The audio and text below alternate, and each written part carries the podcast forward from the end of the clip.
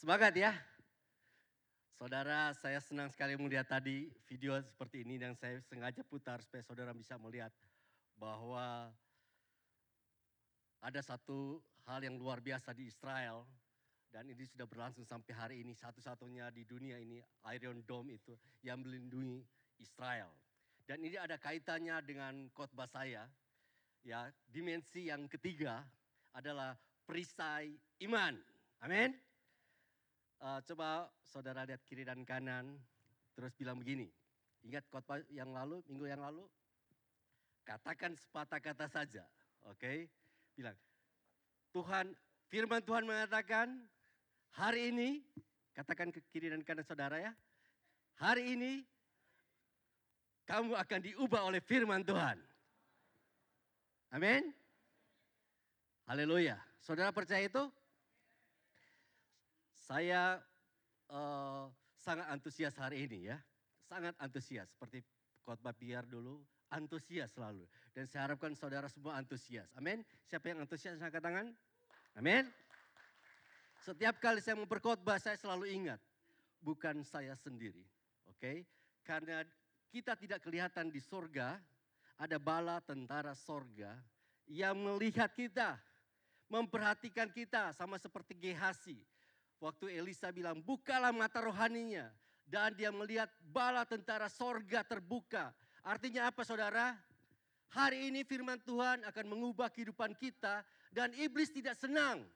Iblis tidak suka karena rahasianya, taktiknya akan dibongkar. Dan dia akan dihancurkan. Dan mungkin dia akan berbicara dalam pikiran saudara, dalam hati saudara, supaya saudara tidak fokus. Tapi saya percaya Firman Tuhan itu adalah kekuatan Allah. Amin. Seperti Paulus mengatakan, aku mempunyai keyakinan yang kokoh akan Injil. Karena Injil adalah kekuatan Allah yang menyelamatkan setiap orang yang percaya. Kekuatan Allah saudara. Dan saya percaya roh kudus juga ada di tengah-tengah kita. Amin. Roh kudus bekerja dengan luar biasa. Dimensi yang pertama, kita sudah lihat waktu dua uh, minggu yang lalu, bicara tentang iman adalah iman supaya kita bisa, uh, sorry. Pertama adalah supaya kita selamat. Yang kedua, iman yang harus bertumbuh. Mendengar firman Tuhan kita akan bertumbuh. Dan kemudian lanjutannya, dimensi yang ketiga adalah iman sebagai perisai. Apa yang kita lihat tadi dalam video tentang pertahanan Israel adalah pertahanan sebagai perisai. Sepertinya di kota itu ada satu perisai yang siang dan malam siap mendeteksi segala serangan-serangan musuh, kemudian dia membalasnya, menghancurkan itu semua. Sama seperti saudara lihat Kapten Amerika, dia punya perisai. Ya. Dia punya senjata. Dan firman Tuhan katakan apa? Hendaklah kamu kuat di dalam Tuhan, di dalam kekuatan kuasanya. Setiap kita orang yang percaya bukan menjadi anak-anak rohani saja. Tapi menjadi anak yang kuat, mandiri, sanggup dengan kekuatan Allah yang diberikan kepada saudara untuk menghancurkan musuh. Tuhan ingin supaya kita jadi orang yang kuat, orang yang sangat rohani, yang kuat. Untuk menjadi orang yang kuat, dikatakan firman Tuhan yaitu apa? Kenakanlah seluruh perlengkapan senjata Allah supaya kamu dapat bertahan melawan tipu muslihat iblis. Saudara, kita memang sudah percaya. Kita memang akan bertumbuh di dalam kerohanian kita. Tetapi tidak berjalan begitu saja mulus. Langsung berjalan kita bertumbuh tanpa gangguan. Sewaktu kita berlari, angin semakin kencang. Setiap kali anak Tuhan mau maju, iblis mau menahannya. Bahkan Yesus waktu dilahirkan dikatakan ada satu usaha pembunuhan pada anak-anak yang lahir pada zaman itu. Iblis mau menahan setiap kegerakan Allah. Iblis punya target untuk menahan setiap kegerakan hidup kita di dalam berjemaat, di dalam pribadi kita, di dalam kerohanian kita, dalam keluarga kita. Dia tidak ingin kita maju. Jadi dia punya senjata. Dan kita harus sadar itu saudara. Kita harus sadar, kita harus siap. Jangan masa bodoh. Kita harus mengetahui taktik-taktik lawan. Ya, ada di dalam pertandingan olahraga biasanya salah satu hal yang baik adalah belajar taktik lawan. Jangan abaikan. Mereka melakukan apa? Kita harus siap, saudara. Dikatakan dalam Efesus 6 ayat 12. Efesus 6 ayat 12. Ada banyak senjata Allah tapi kita harus melawan iblis. Roh-roh jahat di udara. Karena peperangan kita bukan melawan darah dan daging. Bukan musuh-musuh. Bukan tentang seperti tadi. Orang Israel ada Syria, mungkin ada Libanon atau ada Irak, Iran dan sebagainya. Memang itu peperangan dunia nyata. Tapi ada juga yang disebut peperangan roh saudara. Kita melawan roh-roh di udara saudara. Bukan darah dan daging. Musuh kita bukan bukan tetangga kita. Musuh kita bukan suami kita, bukan istri kita. Kalau ada pertengkaran, tahu siapa musuh kita yang mau menghancurkan keluarga. Musuh kita adalah iblis, saudara. Tidak kelihatan, tapi dia punya taktik untuk menghancurkan kita. Jadi kita harus siap melawan. Nah seperti tadi ini, yang kita lihat tadi, saya uh, beri satu gambar. Ini yang disebut dengan area orang Israel. Dan di sini ada seperti perisai yang tidak kelihatan. Setiap kali ada serangan rudal-rudal, di sini ada namanya radar. Dia deteksi, kemudian dia sampaikan ke sini. Ada namanya battle management control unit komputer, kemudian dia sampaikan kepada misil untuk yang siap untuk menghancurkan ini. Waktu dia menghancurkan ini, keluarlah ini, peluru ini yang siap untuk menghancurkan ini. Dan ini ada berbagai deteksi dan macam-macam. Kalau dia lewat, kalau dia belok, dia siap untuk hancurkan. Nah inilah yang terjadi yang uh, gambaran pada yang tadi video yang kita lihat. Apa pun siang dan malam siap dihancurkan serangan-serangannya. Nah kita harus siap sedia, saudara. Siap sedia. Kalau kita uh, keluar rumah kan, biasanya kita harus siap. Hujan atau tidak. Kita lihat ada hujan, siap badai dan sebagainya, kita harus pakai payung. Payung itu menggambarkan satu perisai. Siap. Apa pun kita harus siap saudara. Firman Tuhan dikatakan, okay, dalam segala keadaan pergunakanlah perisai iman. Perisai iman. Jadi bagian ketiga adalah perisai iman. Seperti ini. Pergunakanlah perisai iman sebab dengan perisai itu kamu akan dapat memadamkan semua panah api dari si jahat.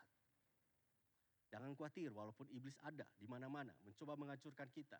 Tapi kalau kita punya perisai iman, dia akan gagal. Amin. Dia akan gagal. Apa itu panah api? Semua serangan, banyak sekali serangan.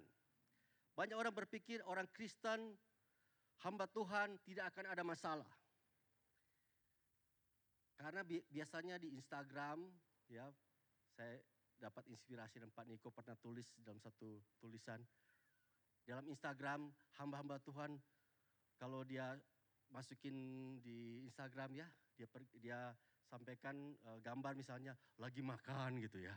Oh lagi makan.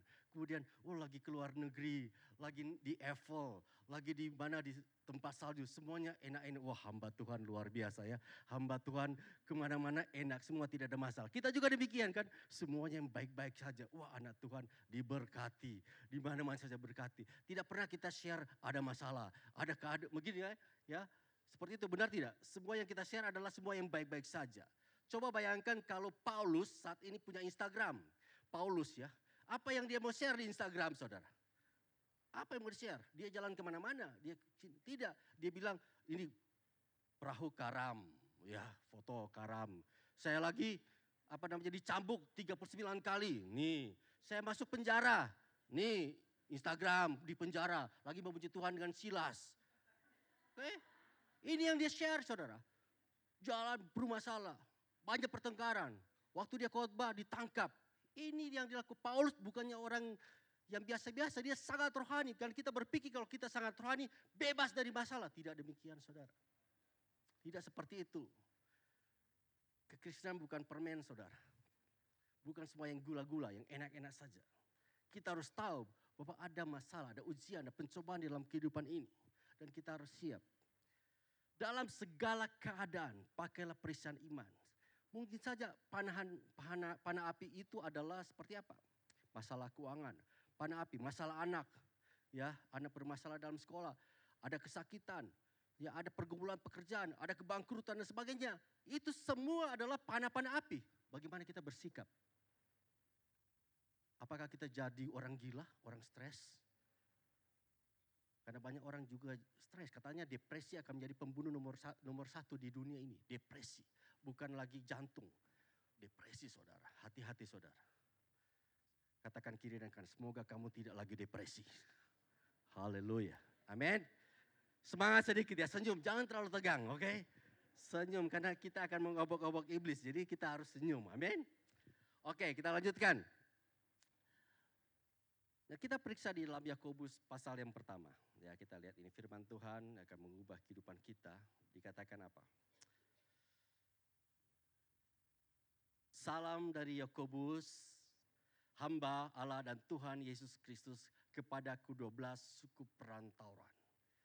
Paulus, eh, sorry, Yakobus adalah uh, uh, saudara Yesus, kepala gereja pada zaman itu. Dia sedang menulis surat dan dia menulis surat kepada 12 suku di perantauan. Menarik ini. 12 suku di perantauan. Artinya apa? Orang-orang yang tidak ada di dalam lingkungan dia, sedang berada jauh dari tempat persekutuan dia. Bukan mungkin bukan berada dalam gereja di Yerusalem, mungkin ada di gereja di Roma, di tempat-tempat yang lain. Dan dia sedang menuliskan kepada mereka supaya mereka siap-siap supaya mereka mendengar nasihat dia. Saudara, sewaktu kita berada dalam gereja, kita dalam persekutuan gereja, semuanya aman-aman, semuanya baik-baik saja. Tapi sewaktu kita masuk dalam dunia pekerjaan, kita pergi keluar daerah, kita diutus oleh tempat pekerjaan, tidak semuanya berjalan mulus, benar tidak? Akan ada banyak godaan, akan ada banyak ujian. Dunia nyata tidak seperti di, di gereja, saudara. Dan ini yang mau dikatakan oleh Yakobus kepada 12 suku yang ada di perantauan. Dia katakan di ayat yang kedua. Saudara-saudaraku, anggaplah sebagai satu kebahagiaan apabila kamu jatuh ke dalam berbagai-bagai pencobaan. Rupanya dalam kehidupan ini setiap orang Kristen akan menghadapi persoalan. Persoalannya disebut dengan pencobaan. Pencobaan. Dan dikatakan apabila kamu jatuh. Apakah ada orang yang jatuh, dia merencanakan dia jatuh? Oke, ada nggak tidak? Saya mau keluar rumah dan saya akan jatuh di parit di depan rumah. Oke, apakah ada orang mencoba merencanakan kejatuhannya? Tidak benar. Orang jatuh cinta juga demikian, saudara hati-hati loh. Ketemu dengan ini jatuh cinta, itu jatuh, tidak direncanakan. Hati-hati. Nah, orang yang jatuh ini bisa bertubi-tubi jatuh. Dikatakan berbagai-bagai pencobaan, berarti berapa kali dia jatuh. Jatuh, jatuh, jatuh, jatuh demikian. Tetapi Yakobus mengatakan, kalau kamu jatuh dalam jatuh di dalam berbagai pencobaan, anggaplah itu sebagai satu kebahagiaan. Wah, ini luar biasa Saudara. Ini akan membuat perisai yang luar biasa dalam hidup Saudara. Karena orang mengatakan, Ya, kalau misalnya kita dalam masalah, ahli psikologi mengatakan kalau kita ada masalah kita mau marah, marahlah gitu. Uh, marah. Saya ini benar-benar mau marah gitu. Pukul apa saja karena itu bagi baik untuk sesuatu yang kita simpan uh, lebih baik kita keluarkan. Oke, orang mengatakan demikian.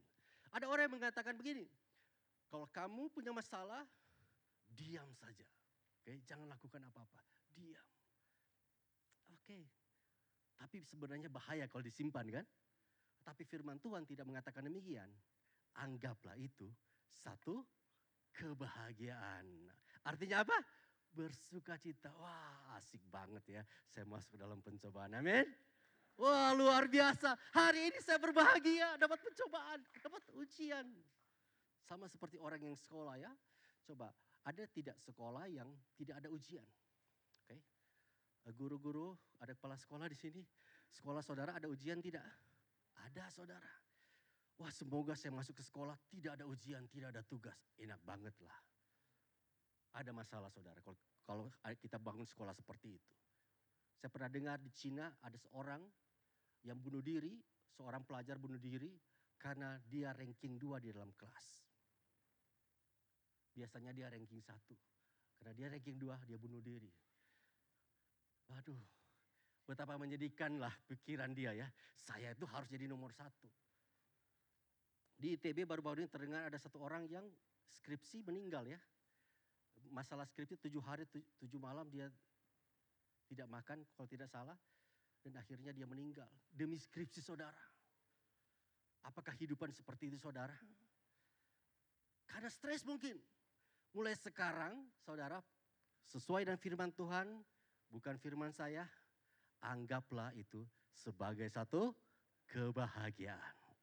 Ini akan membangun perisai. Jadi sewaktu iblis hantam kita, serangan dia, asik banget iblis. Saya akan pakai ini sebagai bahagian saya gitu. Dan dia tidak akan berikan lagi itu. Karena dia tidak mau kita berbahagia. Jadi baik jangan ganggu kita. Karena semakin diserang, kita semakin berbahagia. Amin. Nah bahkan di ayat yang berikutnya dikatakan, sebab kamu tahu bahwa ujian terhadap imanmu itu menghasilkan ketekunan.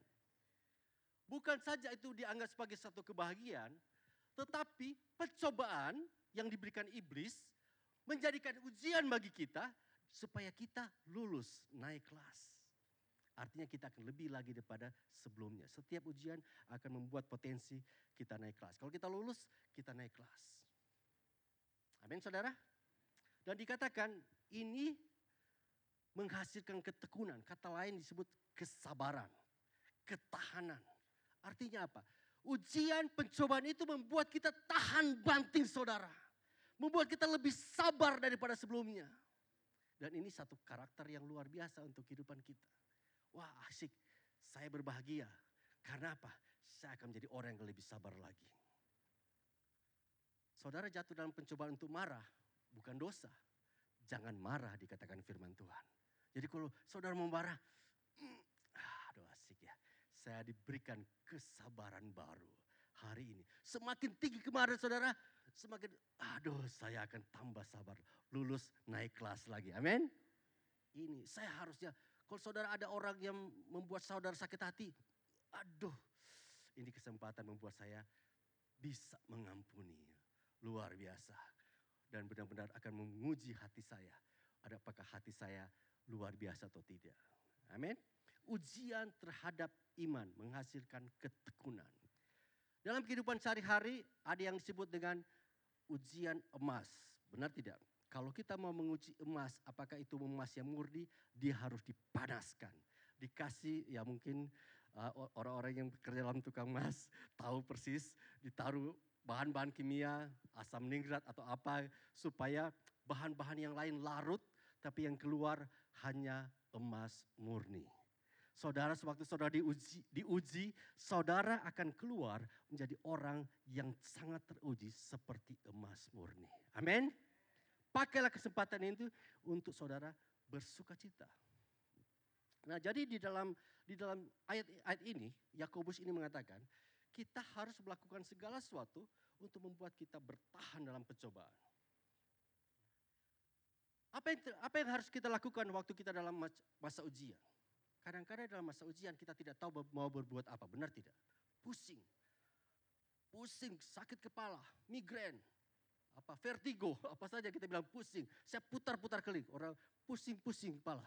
Mau apa? Tidak ada jalan keluar. Tapi firman Tuhan katakan apa? Apabila kamu kekurangan hikmat. Apabila kamu ada yang kekurangan hikmat, hendaklah ia memintanya kepada Allah. Artinya berdoa. Waktunya untuk berdoa. Tuhan, masalah ini. Biarkan saya bisa bertahan. Biarkan saya bisa lewat. Apa yang saya harus lakukan? Nah ini saya tidak berbicara bahwa kita pasif saja. Wah silakan tang, tang, tang dihantam rata saja yang kita pasrah. Tidak. Ingat yang dom tadi Israel. Waktu ada serangan, deteksi, dibalas, dihantam. Sehingga itu jatuh saudara. Ini yang kita harus lakukan. Waktu ada serangan-serangan dalam kehidupan kita, contohnya, seperti contoh misalnya, serangan sakit penyakit. Saudara ada anggota keluarga saudara yang sakit misalnya. Kendak misalnya anak saya atau siapa sakit, apa yang saudara lakukan? Apakah saudara panik? Saudara harus tahu, saya harus bertahan. Firman Tuhan katakan, tunduklah kepada Allah dan lawanlah iblis. Artinya apa? Kita dekat pada Tuhan, kita berdoa dan siap bertahan dan menghancurkan iblis. Ambil firman Tuhan. Firman Tuhan katakan, oleh bilur-bilurnya kita sudah disembuhkan. Artinya apa? Kita berdiri bersama-sama dengan anak kita dan kemudian kita bilang sembuh di dalam nama Yesus. Dan serangan-serangan itu bisa dihancurkan saudara. Bertahan dan serang balik sama seperti Bruce Lee. Paktas gitu, hantam balik pada dia. Dan kemudian dia jatuh terkapar dan tidak bangkit lagi. Amin. Dan kita katakan jangan pernah kembali lagi. Waduh itu bagus saudara.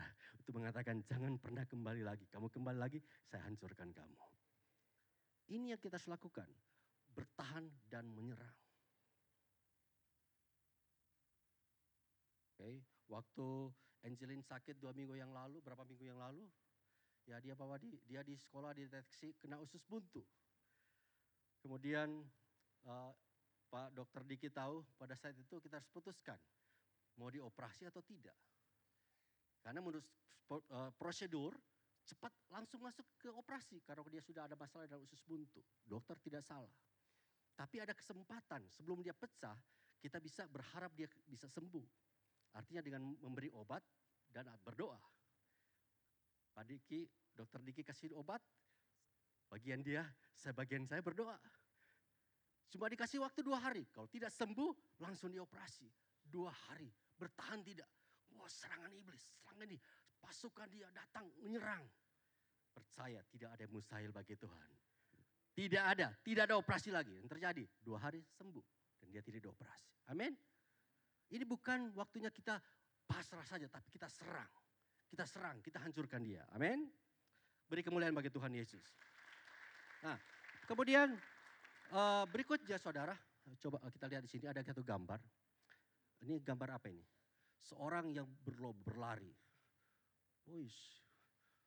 Hidup kita seperti ini saudara. Tidak mulus-mulus, kita mau berlari kadangkala kita jatuh. Kita jatuh. Ada apa? Karena ada rintangan. Jatuh. Dan tapi dia lari lagi. Oke, kita boleh dipukul mundur iblis dua langkah, tapi kita lari lagi tiga langkah. Amin. Ini harus dilakukan. Nah, kadang-kadang di dalam uh, di dalam Ibrani 12 ayat 2 mengatakan, marilah kita melakukannya dengan mata yang tertuju kepada Yesus yang memimpin yang memimpin kita dalam iman dan da, yang membawa iman kita kepada kesempurnaan. Yang dengan mengabaikan kehinaan tekun memikul salib, ganti sukacita yang disediakan bagi dia yang sekarang duduk di sebelah kanan tahta. Oke, okay? saudara, bagaimana supaya kita kuat dalam serangan-serangan iblis? Pandanglah kepada Yesus. Oke, pandanglah kepada Yesus, lihatlah pada Yesus. Yesus juga tidak mengalami satu kehidupan yang mulus, banyak sekali tantangan. Dia harus disalibkan, dia harus melewati jalan salib. Tapi dia mau setia sampai pada akhirnya. Maka firman Tuhan katakan dalam Ibrani 12 ayat 2. Ya, karena itu kita mempunyai banyak saksi bagaikan awan yang mengelilingi kita. Marilah kita menanggalkan semua beban dan dosa yang begitu merintangi kita. Dan berlomba dengan tekun dalam perlombaan yang diwajibkan bagi kita kita bertumbuh dalam Tuhan, kita juga harus berlari sesuai apa yang Tuhan inginkan dalam hidup kita ini, panggilan dia. Dan waktu saudara berlari, ada rintangan, ada tantangan, tinggalkan itu semua.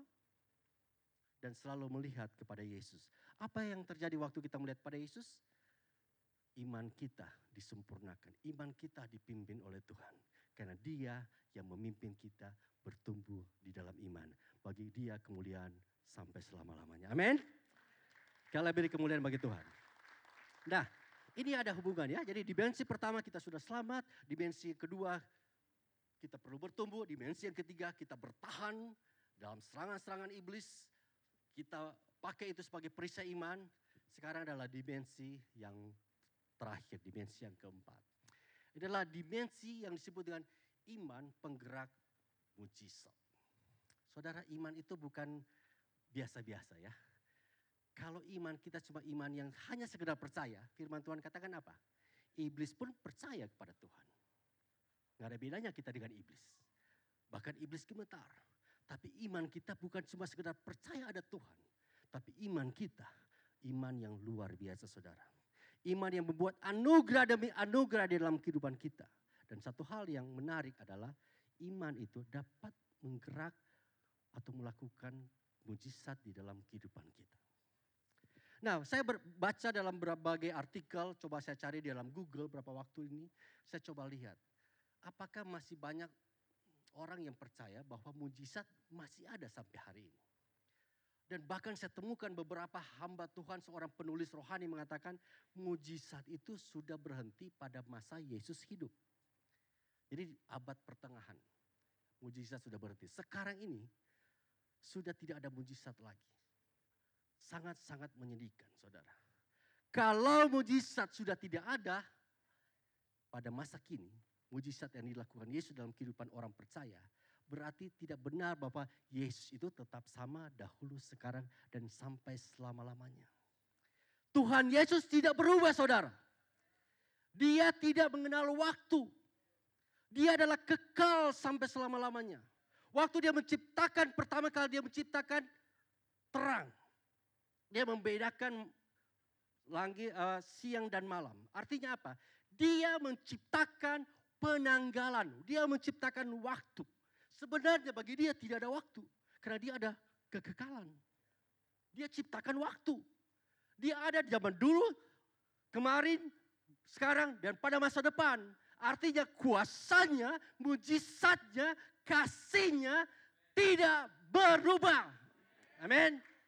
Tidak berubah. Mujizatnya tidak berubah. Kalau saudara pernah melihat di dalam perjanjian lama, bagaimana Tuhan membebaskan orang Israel. Tuhan saudara bisa melihat bahwa dengan mujizat Tuhan bangsa Israel dilepaskan. Waktu dia memanggil uh, Musa, dia bilang dengan tangan yang kuat aku akan lepaskan bangsa Israel yang 400 tahun di dalam perbudakan. Dengan tangan yang kuat, mujizat-mujizat yang luar biasa. Sepuluh tula itu tidak ada dewa mana pun di dunia ini yang bisa dapat lakukan. Dan akhirnya Firaun mengizinkan bangsa Israel pulang. Dan mereka dipimpin dengan tiang-tiang awan pada waktu siang dan tiang api pada waktu malam. Mujizat, mujizat dengan luar biasa. Sewaktu Musa selesai diteruskan oleh Yosua. Yosua pikir, wah mujizat sudah berhenti. Dia datang pada Tuhan, Tuhan bilang masih ada. Ya, dalam versi saya. Masih ada. Seberangi sungai Yordan. Taruh batu-batu bahkan lau, uh, air itu bisa berhenti. Mujizat ada pada masa Yosua. Dalam satu generasi Musa sampai pada generasi Yosua, dia tetap yakin itu ada. Setiap generasi kita harus yakinkan mujizat itu ada dan kita berikan pada generasi yang baru. Percayalah mujizat itu masih ada saudara. Dan yang persoalan sekarang adalah generasi-generasi yang lama mulai berpikir mujizat tidak ada dan dia bagikan pada generasi yang baru. Saya hidup mungkin dalam generasi yang lama, generasi baby, boomer orang bilang ya. Kemudian di bawah saya ada generasi generasi uh, apa ya habis baby boomer? Masih ingat? X, generasi X. Kemudian ada generasi Y. Terus ada generasi apa lagi? Z, ada generasi alfa dan sebagainya. Itu saya, kita dengar dari Pak Andi waktu itu. Setiap generasi ada tantangan, tapi pastikan saudara, kalau saudara dalam generasi yang lama, pastikan mujizat Tuhan masih ada dan saudara impartasikan kepada generasi yang baru, kepada anak-anak saudara, bahwa Tuhan itu tetap sama dahulu sekarang sampai selama-lamanya. Sampaikan kepada mereka. Jangan sampai generasi yang baru saat ini kehilangan sesuatu yang harusnya disampaikan kepada mereka. Menurut survei saat ini generasi uh, set ya, generasi set, generasi yang sekarang ini adalah generasi yang paling berbahaya. Karena katanya mereka masuk di dalam uh, college, dalam tempat uh, mahasiswa maksudnya, mereka di kampus, mereka sudah tidak percaya lagi kepada Tuhan. Tidak yakin kalau ada Tuhan, masih bertanya-tanya. Dan waktu mereka lulus dari universitas, mereka sudah tidak percaya lagi pada Yesus. Ada influence daripada teman-teman, daripada guru-gurunya. Waktu saya ingat saya kuliah dulu, guru-guru dengan uh, dosen dengan jelas mengatakan saya ateis. Tidak ada itu Tuhan. Apalagi bicara tentang mujizat dari Tuhan. Ya, jangan sampai seperti itu. Dimensi yang ketiga ini bicara tentang mujizat yang masih ada. Uh, firman Tuhan di dalam Yohanes 14 ayat 10 13 mengatakan, tidak percayalah engkau bahwa aku di dalam Bapa dan Bapa dalam aku. Apa yang aku katakan kepadamu tidak aku katakan dari diriku sendiri. Tapi Bapa yang diam dalam aku dialah yang melakukan pekerjaannya. Sewaktu Yesus datang ke dunia ini, dia melakukan banyak mujizat. Tapi dia mengatakan bukan dia yang lakukan, tapi hubungan dia dengan Tuhan sedemikian menyatu. Sehingga apa yang Bapa lakukan, dia lakukan juga. Jadi dia datang sebagai manusia, dia Allah sejati, tapi dia datang sebagai manusia.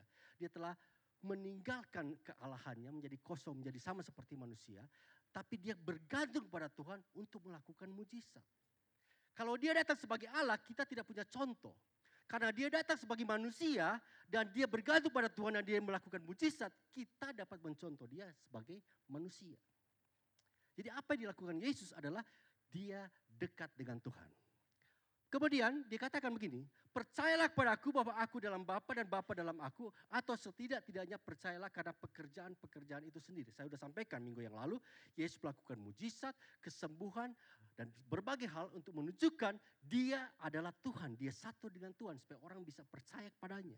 Sehingga Yohanes mengatakan di dalam Yohanes 20 ayat 30, memang masih banyak tanda lain yang dibuat Yesus, di depan banyak, di depan mata murid-muridnya yang tidak tercatat dalam kitab ini, tapi semua yang tercantum di sini telah dicatat supaya kamu percaya bahwa Yesus adalah Mesias, anak Allah dan supaya kamu oleh imanmu memperoleh hidup di dalamnya. Bagian pertama adalah Yesus menunjukkan dia adalah Tuhan.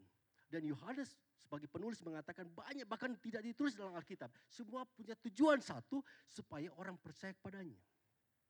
Tapi setelah itu bagaimana? Apakah berhenti sampai di situ?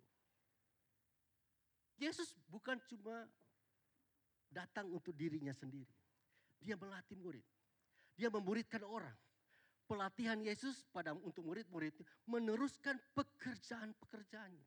Jadi selama tiga tahun, Yesus mengimpartasi mereka, mengajar mereka, mengutus mereka, mentraining mereka, supaya mereka melakukan hal yang sama yang dia lakukan. Sehingga waktu dia pergi ke sorga, dia mengutus roh kudus, murid-muridnya meneruskan itu. Sekali lagi, bu, belum berhenti mujizat itu saudara. Yohanes 14 ayat 12 mengatakan, Aku berkata kepadamu, barang siapa percaya kepadaku, ia akan melakukan juga pekerjaan-pekerjaan yang aku lakukan, bahkan pekerjaan yang lebih besar daripada itu, saudara. Artinya apa yang dilakukan Yesus secara potensial mampu dilakukan oleh murid-muridnya. Dan kita juga sampai saat ini dalam murid-murid Yesus. Amin. Benar tidak? Siapa yang percaya dalam murid Yesus? Belum yakin, masih 25 persen yang angkat tangan. Siapa yang percaya dalam murid Yesus? Oke. Saudara percaya dalam murid Yesus. Nah saya katakan gini.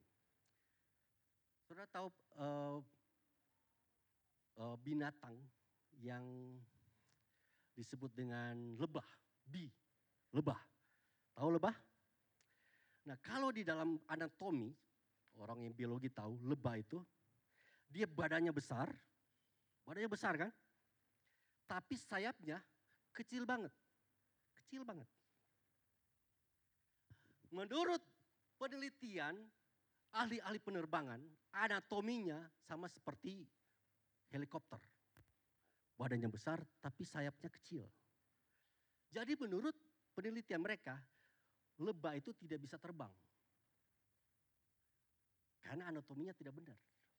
Tetapi Tuhan menciptakan lebah untuk terbang. Karena Tuhan menciptakan lebah untuk terbang, lebah dapat terbang. Amin. Dengan putaran yang cepat, cepat, cepat, cepat seperti ini, dia bisa terbang saudara satu kecepatan yang tinggi dia putar-putar dia bisa terbang juga. Nah ini yang Tuhan targetkan pada lebah. Kalau saudara adalah murid Kristus, Tuhan sudah punya target pada dalam hidup saudara. Sama seperti lebah. Saudara mampu melakukan pekerjaan-pekerjaan yang bahkan lebih besar daripada yang aku lakukan. Amin. Beri kemuliaan bagi Tuhan. Dapat itu. Terima itu. Jangan biarkan, oh saya biasa saja. Tidak, saya tidak seperti ini. Oh itu untuk hamba Tuhan. Tidak saudara, kita punya potensi. Hati-hati saudara. Efesus 4 ayat 11 mengatakan dia berikan rasul-rasul, nabi-nabi, pengajar-pengajar dan sebagainya. Lima pelayan rasul itu untuk memperlengkapi orang-orang untuk melakukan pekerjaan pelayanan. Siapa yang melakukan pekerjaan pelayanan? Murid-murid. Ya, bukan lima rasul, mereka memperlengkapi. Saya Pak Jul, hamba-hamba itu memperlengkapi saudara. Tapi satu waktu saudara-saudara yang lakukan pekerjaan-pekerjaan. Amin. Haleluya. Amin. Kita akan melakukan pekerjaan yang besar.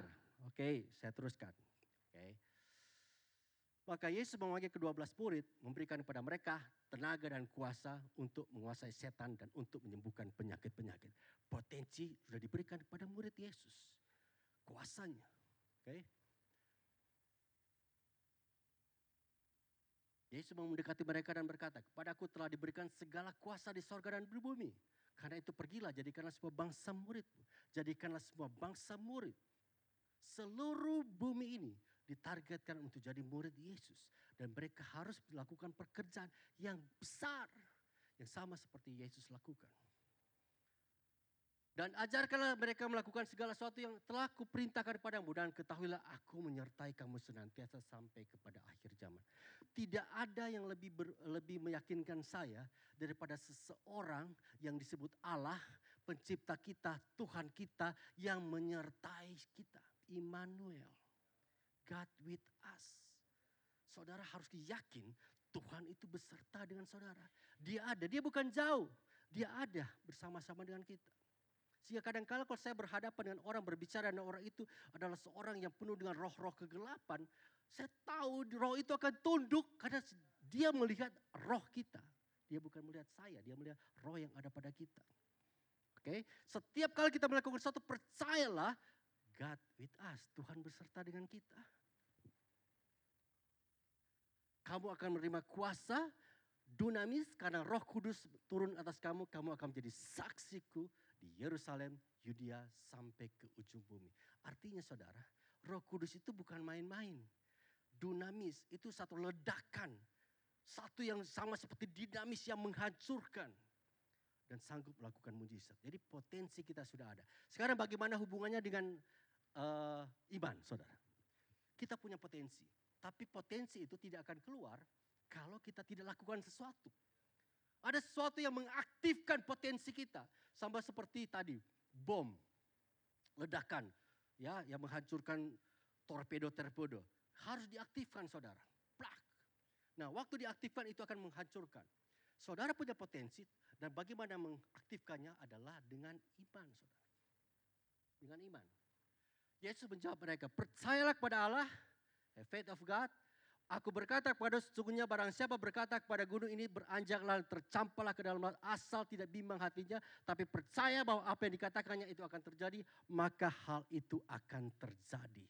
Bagaimana kita mengaktifkan potensi bahkan mujizat yang bisa telah terjadi dalam kehidupan saya adalah berkata-kata terhadap masalah, persoalan, tantangan kita dan waktu kita katakan itu jangan bimbang dan jangan ragu apa yang kita katakan akan terjadi. Karena iman yang membuat mujizat adalah iman yang tidak bimbang, iman yang tidak ragu. Saudara, karena aku berkata kepadamu, apa saja yang kamu minta dan doakan, percayalah bahwa kamu telah menerimanya. Maka hal itu akan diberikan kepadamu. Doa orang benar, besar kuasa saudara. Benar tidak? Saudara orang benar? Orang benar jika dengan yakin didoakan, iman kita ya akan menghasilkan doa. Doa itu jangan asal bunyi. Oh semoga begini ya, itu namanya asal bunyi. Ya kalau Tuhan mengendaki, ya terjadilah. Kalau tidak kendaki, ya memang Tuhan tidak kendaki. Itu doa yang tidak lahir dengan iman. Mulai saat ini saudara, setiap doa saudara, di mana pun saudara berada, di rumah, Apakah itu dalam pertemuan doa jemaat lahir satu doa yang tidak ragu dan tidak bimbang. Amin. Karena dengan ini kita akan bisa melakukan mujizat.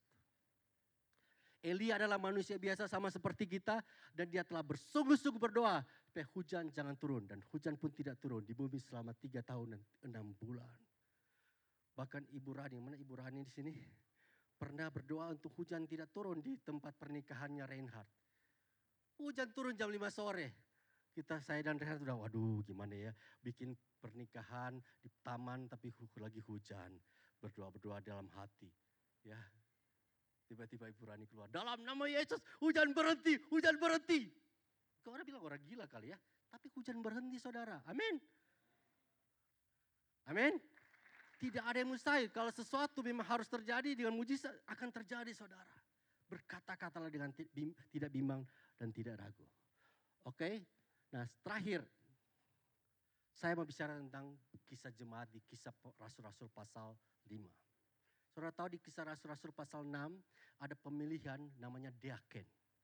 Diaken itu adalah orang-orang yang bekerja membantu uh, rasul-rasul. Dan mereka adalah orang-orang yang dipilih menjadi diaken. Saudara tahu namanya Stefanus, Filipus dan sebagainya. Nggak ada Hermanus di situ. Oke, okay. us-us banyak tapi Hermanus nggak ada. Oke, okay. uh, eh, Stefanus ya, dikatakan dia luar biasa saudara. Dia dikatakan apa? Seorang yang penuh iman dan penuh roh kudus. Kenapa tidak penuh roh kudus saja? Dikatakan penuh iman dan penuh roh kudus. Dan di ayat berikutnya dikatakan, Stefanus penuh dengan karunia dan kuasa mengadakan mujizat dan tanda ajaib di antara orang banyak. Coba saudara perhatikan. Penuh iman, penuh karunia, roh kudus dan kuasa. Itu ada hubungan saudara. Iman mengakses anugerah. Roh kudus memberikan kuasa.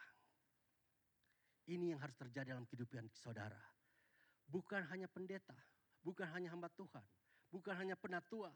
Setiap saudara sekarang ini perlengkapan diri saudara maju terus dalam Tuhan supaya saudara penuh dengan Roh Kudus, saudara juga penuh dengan iman supaya mujizat-mujizat terjadi dalam kehidupan kita. Amin. Dan yang luar biasa dan akibatnya apa saudara? Firman Allah makin tersebar, jumlah murid di Yerusalem makin bertambah, juga sejumlah besar iman menyerahkan diri dan percaya. Saya percaya dengan iman, Bandung akan dipakai Tuhan luar biasa dan saudara akan menjangkau banyak orang untuk Tuhan. Kampus-kampus, tempat-tempat kerja, saudara akan jangkau. Orang-orang akan jadi percaya. Karena apa? Karena saudara penuh dengan iman. Amin. Saudara penuh dengan roh kudus. Saudara akan dipakai Tuhan dengan luar biasa. Mulai hari ini, terimalah itu. Terimalah dengan iman dan itu akan terjadi dalam kehidupan saudara. Amin. Saya mau tutup dengan ini saudara. Saya ingin kita renungkan firman Tuhan. Dari minggu yang lalu dan minggu yang sekarang. Bagaimana kehidupan saudara? Apakah saudara punya iman? Apakah saudara sedang masuk di dalam satu lembah di mana saudara tidak bisa keluar? Apakah ada banyak tekanan? saudara hari ini saudara bisa bangkit. Oke, keluar dari masalah itu. Kalau ada sesuatu hal yang mustahil terjadi dalam kehidupan saudara, saat ini ambil dengan iman. Tuhan akan buka jalan. Saya ingat satu waktu, satu hari, berapa tahun yang lalu dalam kelompok sel kami, kelompok tubuh bersama, saya belum menikah. Kemudian kita punya masalah. Orang tua istri saya, saya belum menikah dengan dia, tidak setuju saya menikah dengan dia kayaknya mustahil dia akan setuju. Kemudian kita dalam pertemuan doa, habis kelompok Selta bilang, mari kita berdoa untuk hal yang mustahil terjadi dalam kehidupan kita. Percayalah itu akan terjadi. Dan pada saat itu saya bilang apa? Mujizat supaya orang tuanya bisa setuju. Dan kemudian orang tuanya setuju. Amin. Tidak ada yang mustahil bagi Tuhan. Tidak ada yang mustahil bagi dia. Kita lakukan tadi. Kita nyanyikan nih. Hari ini saudara, ambil alih, take dominant di situasi biarkan serangan-serangan musuh itu hancur, lebur berantakan. Dan kita hancurkan dia. Untuk itu saudara, mari kita bersatu di dalam doa. Saudara ambil dua orang berempat-berempat saling mendoakan satu sama yang lain. Gak usah lama-lama saudara. Doa saudara tidak perlu panjang untuk ada mujizat. Yang penting katakan sepatah kata saja. Singkat. Saudara-saudara berempat-berempat kiri dan kanan ada satu baris atau ya minimal empat kalau lebih juga tidak apa-apa. Share sedikit, hari ini mujizat apa yang saya inginkan. Saya mau ambil alih, saya percaya Tuhan akan buka jalan. Kemudian saudara mulai berdoa saat ini. Mulai saling mendoakan. Oke. Percayalah hari ini ada mujizat. Hari ini ada kebangunan rohani. Oke, tidak ada orang yang tidak berdoa hari ini. Oke, semuanya berdoa. Oke. Oke. Mungkin itu keluarga boleh, pasangan saudara, apa pun persoalannya. Oke. Saudara yang jomblo kelamaan mungkin bisa juga. Oke. Oke. Percayalah, Tuhan buka jalan. Oke. Ada ada yang mungkin bergumul dengan anaknya, persoalan anaknya, atau bahkan pingin punya anak. Boleh. Apa saja, tidak ada yang mustahil bagi Tuhan. Biarkan roh kudus bekerja. Oke, dan mulai berdoa. Haleluya. Yesus.